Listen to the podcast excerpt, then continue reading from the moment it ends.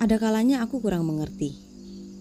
Kenapa ada orang bisa merasa cukup nyaman dan aman dengan berdiam diri di balik sebuah kata? Sembunyi.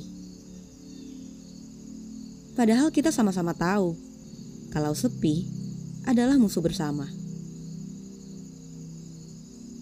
Maaf, mungkin bukan sepi, tapi kesepian. Tipis irisannya ketika aku ingin mengambil waktu untuk sendiri dengan kamu yang mungkin saja mengambil, menelan, serta mencernanya dengan sempurna.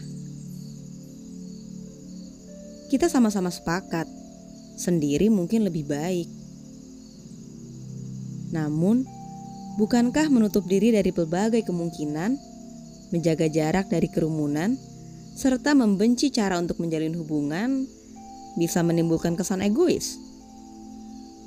Maaf kalau aku melukai perasaanmu dengan mempertanyakan ini.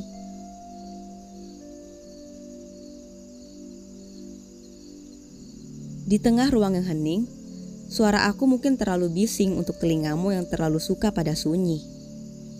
Ya, walau di kepalamu tetap saja berisik. Mari kita kembali lagi. Di ujung pikirmu pula, Mungkin setiap gerak-gerik aku terasa begitu mengganggu. Tapi apa yang lebih mengganggu di dunia ini selain ketika tak ada satu patah kata yang berhasil terucap. Kemudian menjadi bencana karena kita sama-sama paham kalau ada ingin yang tidak tersampaikan.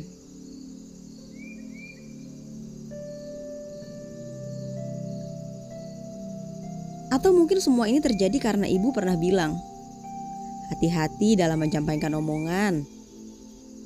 Kamu lantas jadi terlalu menjaga segalanya agar tetap dalam keadaan yang baik-baik saja. Masalahnya, aku tidak akan pernah baik-baik saja kalau aku tidak betul-betul tahu tentang skenario apa yang sedang kamu buat di kepalamu. Sebelum waktu kita habis, satu-satunya yang ingin aku dengar dari bibirmu yang tebal dan dari hatimu yang sama tipisnya dengan tisu untuk menyeka air matamu itu adalah aku bisa jelaskan semuanya.